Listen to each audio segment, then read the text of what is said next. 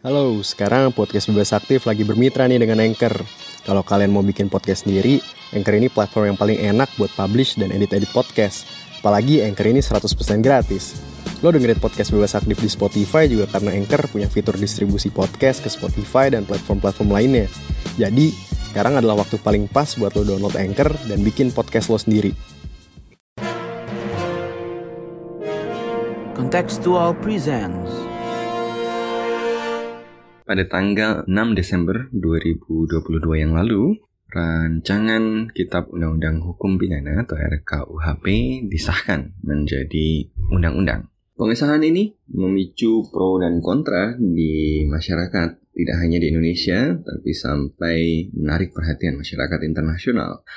Pihak yang pro, seperti Menteri eh, Hukum dan HAM, Bapak Yasona Lauli menyebutkan bahwa ini merupakan keberhasilan upaya dekolonisasi. Sementara itu, pihak yang kontra, terutama dari berbagai lembaga swadaya masyarakat, lembaga dan pemerintah menyebutkan bahwa pasal-pasal yang ada di dalam KUHP yang baru disahkan ini merupakan ancaman bagi kebebasan, baik itu kebebasan politik maupun kebebasan individu. Alih-alih dekolonisasi yang terjadi menurut kritik-kritik ini adalah kembalinya otoritarianisme. Nah, mana yang benar? Atau barangkali dua-duanya memiliki sebagian kebenaran. Mari kita lihat argumen pertama. Apakah benar uh, keberhasilan menyepakati undang-undang KUHP ini merupakan keberhasilan dekolonisasi? Tentu saja uh, ini merupakan hal yang sangat contested ya, bisa diperdebatkan karena istilah dekolonisasi sendiri maknanya bisa beragam. Tapi kita bisa memahami dari mana pandangan ini muncul. Penting untuk mengingat bahwa Indonesia sebelumnya, bahkan setelah merdeka itu masih menggunakan kodifikasi kitab Undang-Undang Hukum Pidana yang merupakan warisan pemerintah kolonial Belanda.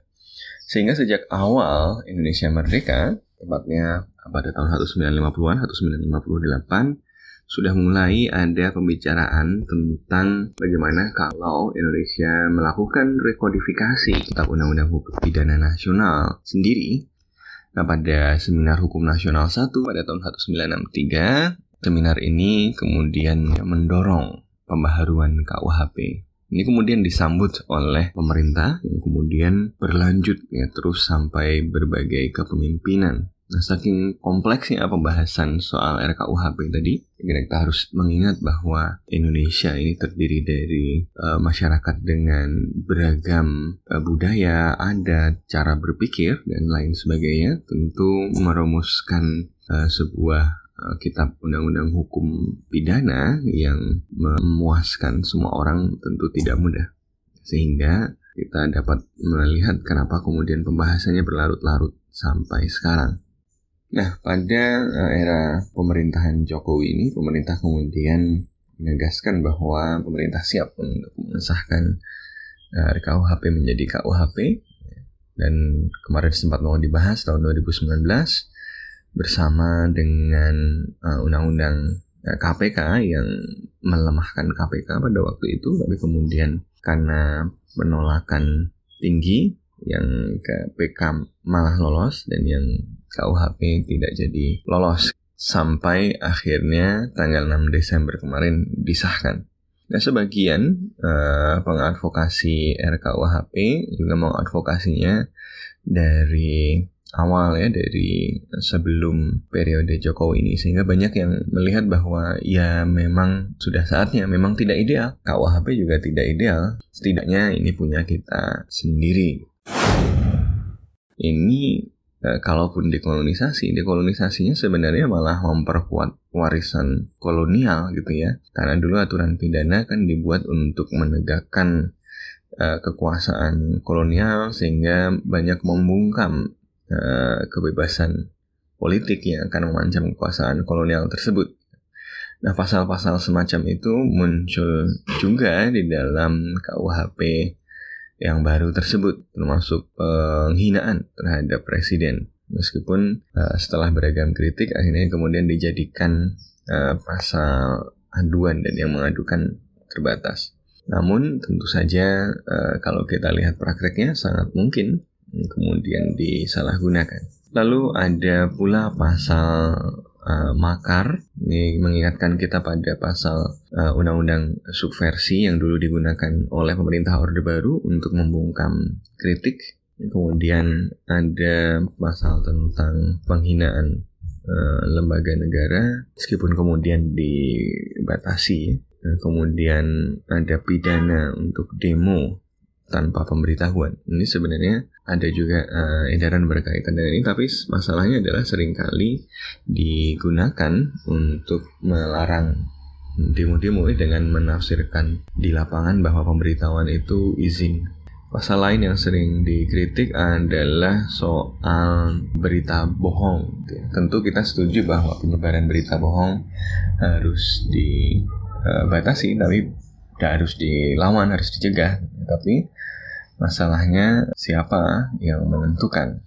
Kemudian tentang korupsi juga ada banyak kritik tentang bagaimana hukumannya justru turun. Selain itu ada pasal-pasal dan yang ini malah menarik perhatian masyarakat internasional yang dianggap melanggar hak-hak pribadi seperti larangan kumpul kebo dan seterusnya. Yang lain adalah larangan untuk menyebar ajaran komunis dan ideologi-ideologi lain dianggap ya melawan Pancasila. Nah, teman-teman sekalian, dari kedua argumen itu, eh, saya kira kita dapat menarik beberapa kesimpulan. Yang pertama, memang dekolonisasi itu bukan proses yang mudah dan dia sangat rawan dan kemudian dibajak dan diisi oleh kekuatan-kekuatan yang sebenarnya melanggengkan uh, relasi kolonial cuma mengganti aktor-aktornya saja. Tentu ini bukan hal yang baru dalam soal KUHP ini gitu ya. Imperial debris itu banyak bertahan di berbagai aspek kehidupan masyarakat pasca kolonial. Mereka ingin membebaskan diri dari relasi kolonial tadi, tetapi warisan-warisannya itu masih bertahan termasuk di dalam cara pikir pemimpin yang kemudian menggantikan kekuasaan kolonial tadi. Ya, ternyata enak juga ya jadi penguasa. Ternyata enak juga kalau kita punya instrumen untuk kemudian mengendalikan eh, kritik atau kebebasan dari masyarakat. Take away yang kedua adalah bahwa Indonesia memang masyarakat yang kompleks dengan nilai-nilai yang beragam. Lihat saja argumen yang menentang RKUHP juga datang dari beragam segmen dan kritiknya juga berbeda-beda. Ada yang fokus pada soal pelanggaran hak-hak pribadi. Sementara ada yang fokus pada soal uh, hak-hak politik. Ada yang mengutip dan mengubah sedikit bahasa Soekarno jadi go to hell with your infestation. infestation ini kata baru yang menggabungkan investment dan investation. Ini mungkin sesuatu yang memang disengaja. Dengan demikian, kita juga dapat melihat bahwa sebagian pendukung pengesahan KUHP yang baru ini barangkali juga tidak sepakat dengan keseluruhan isinya, tapi ya mereka melihat bahwa sampai kapan pun nggak akan disepakati karena keberagaman masyarakat Indonesia tadi ya daripada eh, nggak uh, disepakati sekarang dan nggak akan pernah disepakati karena keberagaman yang sangat kompleks tersebut ya sekarang aja setidaknya kan tercatat di sejarah sebagai uh, kelompok atau orang atau DPR atau pemerintah yang berhasil mengesahkan KUHP. Nah ini uh, masuk ke take away yang ketiga gitu ya yaitu politik arisan. Politik untuk kemudian menghadirkan sebuah momentum sejarah yang akan dikenang oleh publik. Nah, ini tampaknya menghinggapi para pembuat kebijakan dan politisi dalam beberapa waktu terakhir ini. Wah, saya harus jadi yang pertama bikin kereta cepat. Wah, saya harus jadi orang yang memindahkan ibu kota negara Nah, pengesahan KUHP ini bisa jadi muncul dari cara pandang yang sama. Wah, saya dan kelompok saya harus menjadi kekuatan yang akhirnya menuntaskan pembahasan KUHP setelah dari 1963 nggak bisa. Ya sounds good right? Tapi ternyata memang masih banyak hal yang belum tuntas yang keempat dan paling penting saya kira adalah Freedom House misalnya mencatat bahwa uh, Indonesia sekarang berada dalam kondisi partly free. Uh, ini kondisi yang uh, tentu merupakan penurunan yang cukup signifikan dari periode tahun 2012 misalnya yang Indonesia masih masuk dalam kategori free hal ini ya tentu saja kita nggak bisa sepenuhnya uh, menelan mentah-mentah uh, pengukuran dari Freedom House tapi hal yang sama juga dirasakan secara umum oleh uh, masyarakat kan soal uh, shrinking civic space ya menurunnya ruang uh, bagi masyarakat sipil. Ya sekarang kita mendengar kabar-kabar banyak aktivis uh, kemudian mendapatkan teror.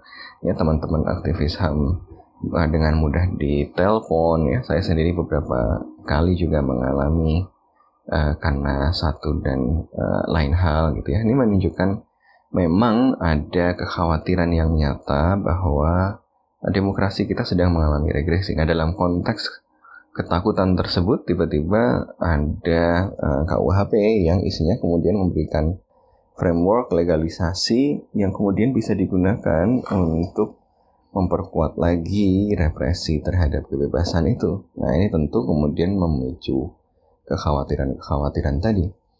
Nah, boleh jadi misalnya uh, Wamen Kumham Pak Heri itu mengatakan lah kan masalahnya berarti bukan di pasalnya tapi di uh, penegakannya. Lah iya gitu ya dengan penegakan yang sekarang dengan yang mengesahkan itu yang sekarang dengan rekam jejak penindakan uh, hoax atau fitnah yang berat sebelah.